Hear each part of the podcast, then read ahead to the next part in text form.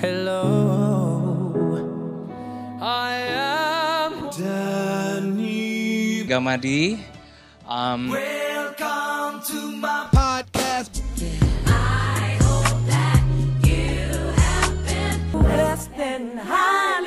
Hello, selamat datang di podcast series Gen Z Ministry bersama gue Denny Gamadi dan hari ini bersama gue di tempat ini ada seorang Pastor Graham. Wah. Oh.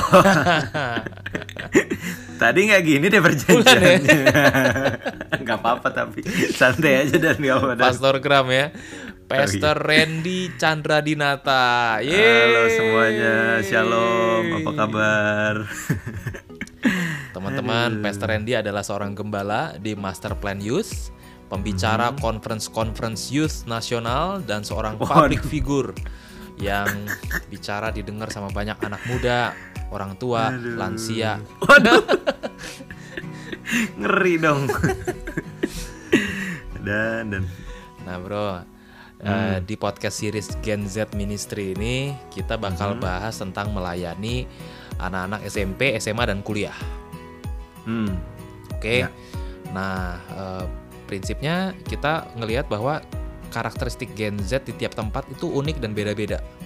Hmm, setuju banget. Nggak bisa pukul rata. Jakarta begini, maka seluruh Indonesia begono. Nggak bisa. Ambon Hmm, beda, Bali beda, gitu kan ya. Ya, betul, betul, betul. Nah, jadi kadang buku-buku dari Amerika bilang Gen Z tuh karakternya pasti begini. Itu nggak bisa serta-merta langsung kita pakai.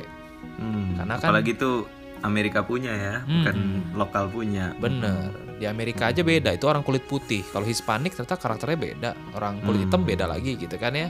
Hmm, hmm, hmm, betul. Nah, hari ini kita justru pengen uh, denger sharing-sharing.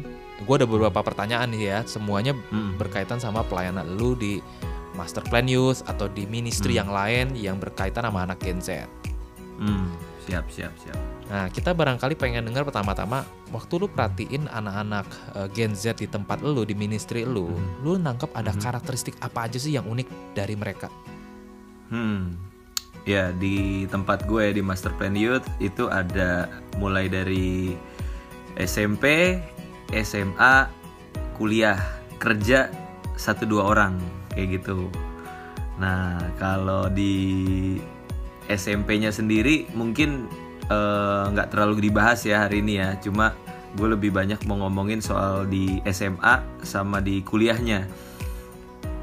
Ya, jadi kalau di SMA sih ya yang gue lihat tuh eh, karakteristik mereka tuh sedikit banyak tuh eh, ignorant gitu loh dan. Jadi kayak agak cuek-cuek gitu kalau diajak ngomong juga eh, jawabnya seadanya. Kadang juga eh, kalau kita coba ajak ngobrol lempeng-lempeng aja gitu, datar-datar aja mereka akan eh, cuek-cuek aja kayak nggak peduli gitu loh. Kayak misalnya lo datang ke mereka terus jalan dengan jalan lurus, mereka akan nggak gubris lo. Tapi kalau lo seakan-akan kepleset, pura-pura kepleset, nah baru mereka Gebukin. aware gitu kan. Oh.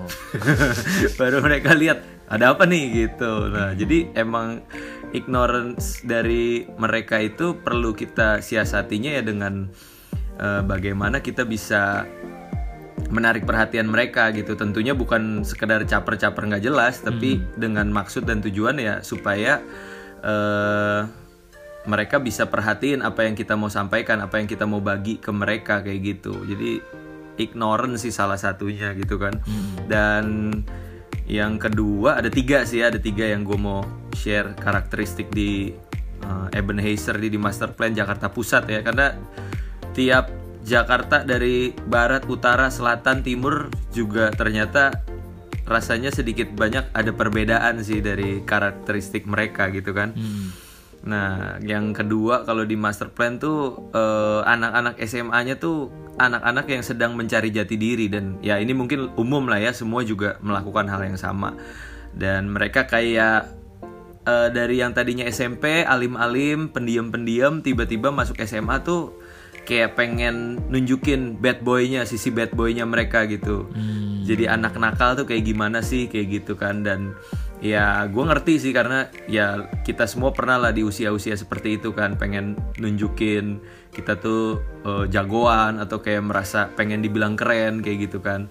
Dan ya di sini pentingnya kita mesti dampingin mereka karena usia-usia SMA ini paling rentan untuk ke bawah pergaulan, ke bawah pengaruh yang salah gitu loh. Jadi eh, ya minimal dengan keberadaan kita di gereja sebagai pembina mereka, mereka nggak sampai tanda kutip rusak-rusak amat lah ya gitu karena pergaulan SMA itu kan udah masuk lebih dari rokok, ada free sex, ada narkoba dan seterusnya kayak gitu. Jadi ya minimal kita bisa minimalisir segala kemungkinan yang ada gitu untuk mereka benar-benar jatuh sampai ke lubang yang dalam jangan sampai lah gitu kita bisa untuk maintain tanda kutip kenakalan mereka kayak gitu. Mm-mm.